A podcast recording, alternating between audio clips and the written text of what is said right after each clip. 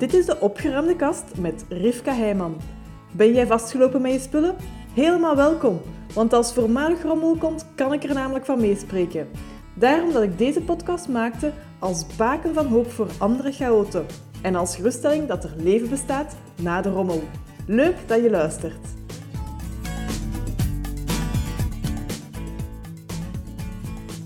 Dag lieve luisteraar. Vandaag wil ik een verhaal, een ervaring met jou delen uit mijn eigen leven. Waarschijnlijk zul je daar wel een aantal dingen in herkennen. Daarom dat ik het uh, gewoon eerlijk ga vertellen hoe dat het bij mij is gelopen. En dat ik hoop dat je er inspiratie uithaalt om ook met een andere blik te kunnen kijken bij jou thuis naar een aantal van de spullen die dat je misschien al een hele lange tijd bijhoudt. Het verhaal.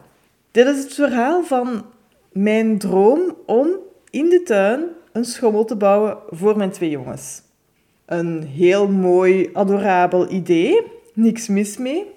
En dat zaadje voor dat idee was geplant op het moment dat mijn ouders verhuisden.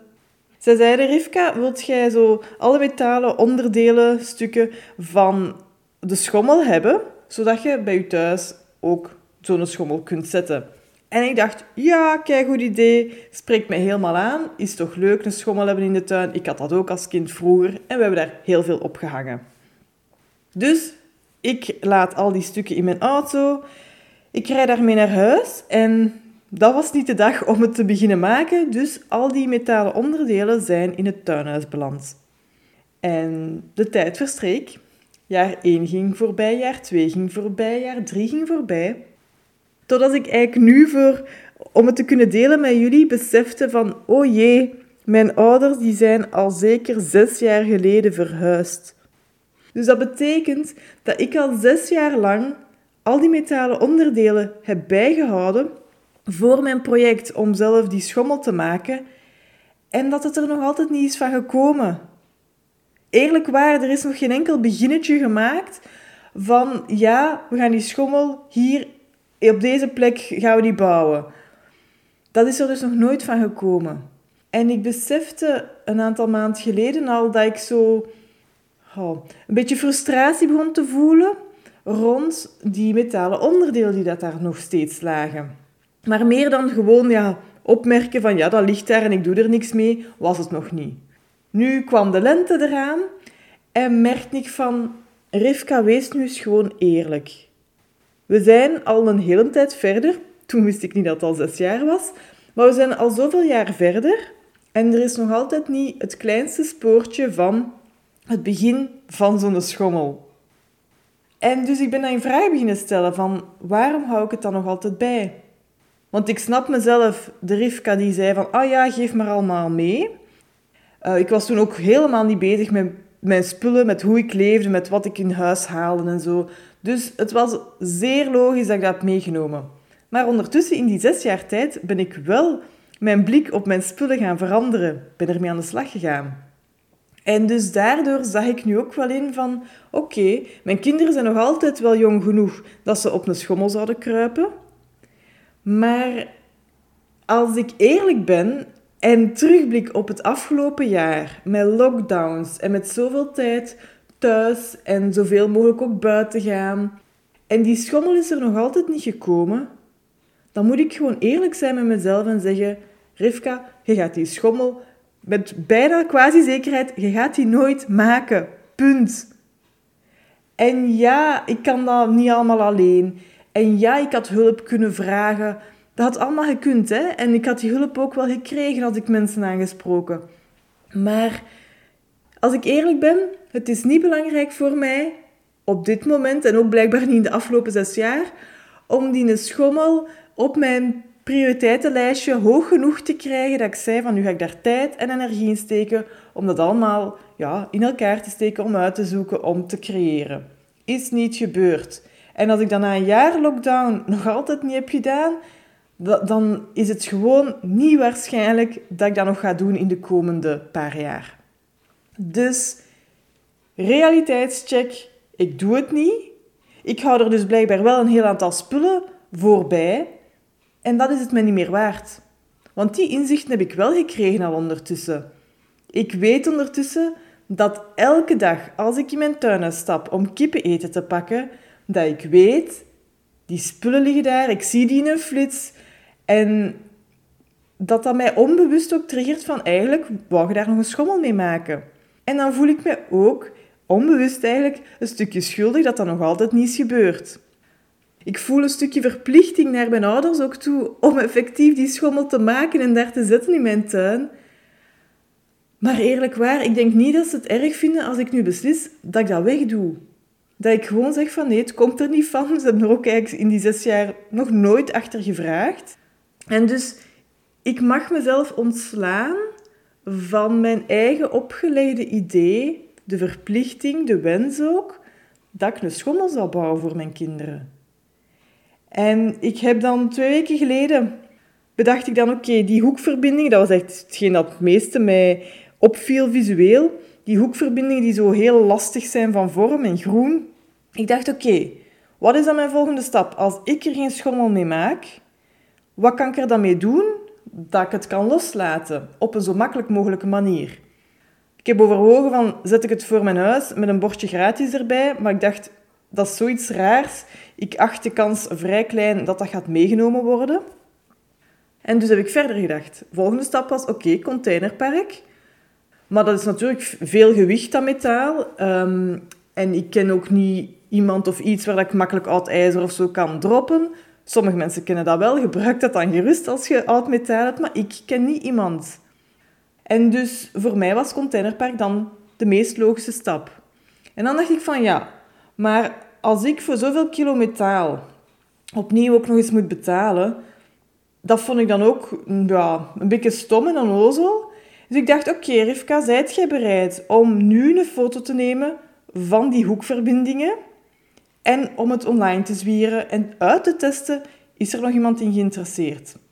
En ik heb dat gedaan. En drie dagen later zijn ze opgehaald geweest.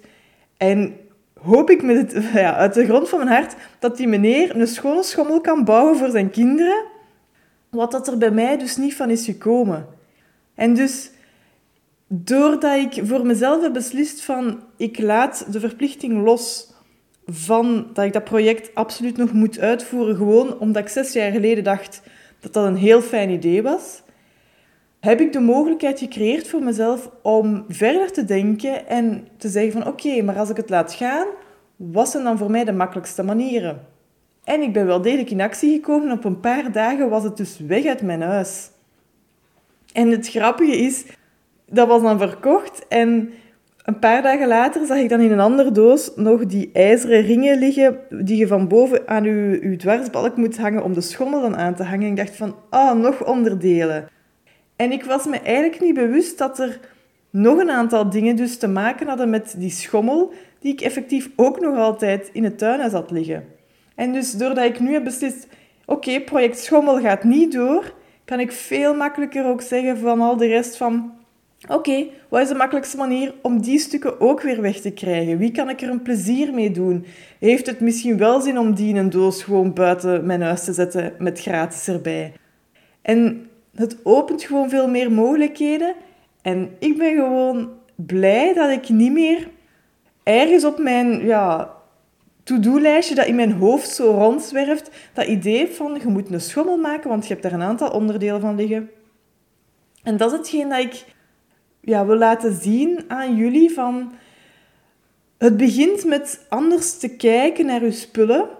Dat opent dan de mogelijkheid om een aantal overtuigingen, ideeën, projecten in vraag te gaan stellen.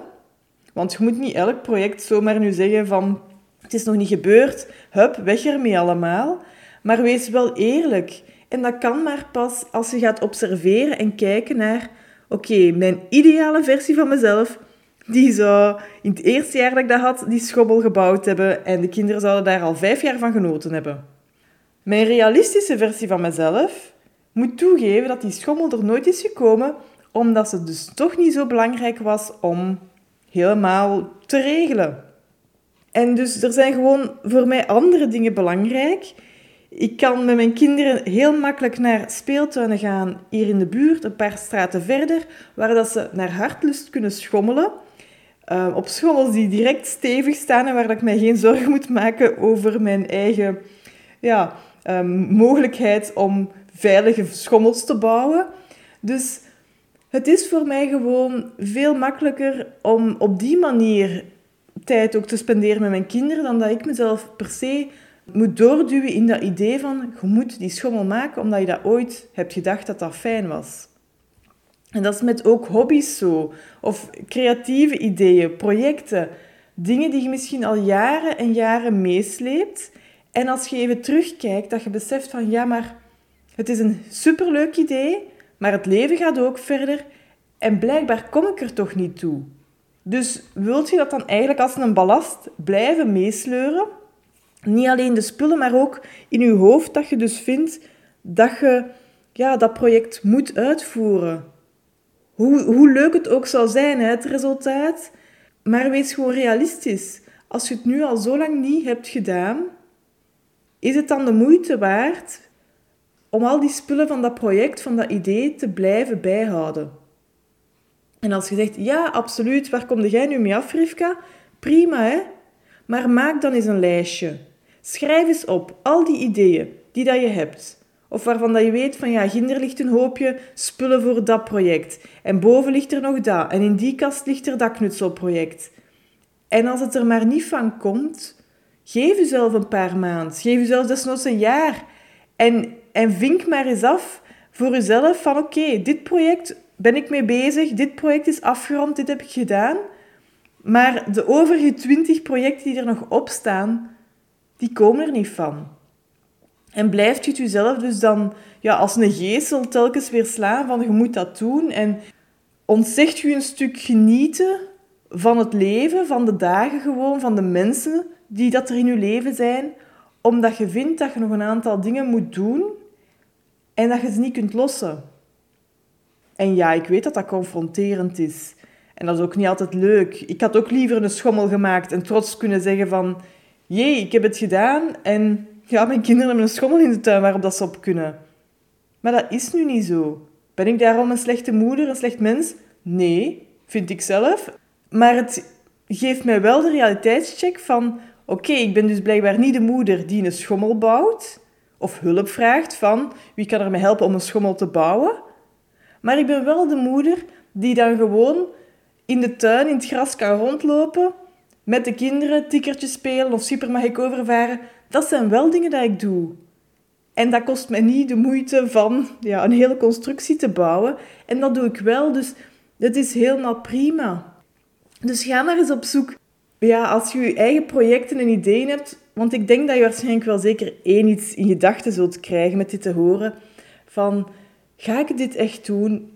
Is het mij nog steeds waard dat ik zowel de fysieke plaats laat innemen door een aantal spullen die met dat idee te maken hebben? En is het ook in mijn hoofd het nog steeds waard dat ik dat blijf meeslepen van dit project ja, moet ik doen? Ook al is dat vanuit een goede, van, van, vanuit een goede intentie, hè, vanuit plezier ook. Maar als je het al zo lang niet hebt gedaan, Durf eens te observeren of dat het echt realistisch is dat je het in de komende maanden gaat doen. En kijk dan wat de volgende kleine stap is dat je kunt zetten. Dus voilà, ik uh, hoop dat ik je hiermee, met dit verhaal te delen, dat ik je daarmee een stuk anders al kan laten kijken naar waarschijnlijk toch wel wat spullen die dat jij ook in je huis hebt liggen, die te maken hebben met een of ander project. Ik weet dat ik er ook nog altijd heb. Hier een projectje, daar een projectje, maar doorstappen te zetten en door nu ook gewoon die opluchting te voelen van ha, ik hoef niet meer in mijn hoofd te houden dat ik ooit een schommel moet bouwen, weet ik ook van dit geeft me weer een stukje ervaring bij bij een volgend project waar ik over moet beslissen en waarvan dat ik twijfel van ja, maar ga ik het nu echt niet doen? Ga ik dan echt geen tijd maken in de komende maanden of in het najaar als het weer ja, donkerder en kouder weer is, dat ik dan toch niet meer begin te breien? Allemaal van die vragen komen ook in mij op. En ik kan alleen maar zeggen, zoek niet meteen uw, uw drie meest um, geliefde projecten die u nauw aan het hart liggen, maar pak even een paar projecten waarvan dat je zegt van ja, eigenlijk is het dan nog waard dat ik dat allemaal bijhoud, dat ik mezelf dat opleg dat ik dat moet doen. En durf daar bij die projecten die u minder nauw aan het hart liggen, Durf eens een klein stapje te zetten. En observeer dan ook wat het met u doet. Dus het is experimenteren. Ik heb niet een pasklaar antwoord op alles. Ik hoop gewoon dat dit jou wel verder helpt en dat jij weer op een andere manier bij je thuis naar je spullen kunt kijken. Tot een volgende keer. Ziezo, dat was het voor deze aflevering van de opgeruimde kast. Vond je deze aflevering waardevol? Deel het dan met iemand die er ook mee geholpen is en laat een review achter. Ik vind het trouwens leuk om berichtjes van luisteraars te ontvangen als een aflevering een bepaald inzicht gaf of iets in beweging zette. Laat het me weten, ook als je vragen of suggesties hebt natuurlijk. Dat kan via contact@goedgeschikt.be. Heel fijn dat je erbij was en graag tot de volgende keer.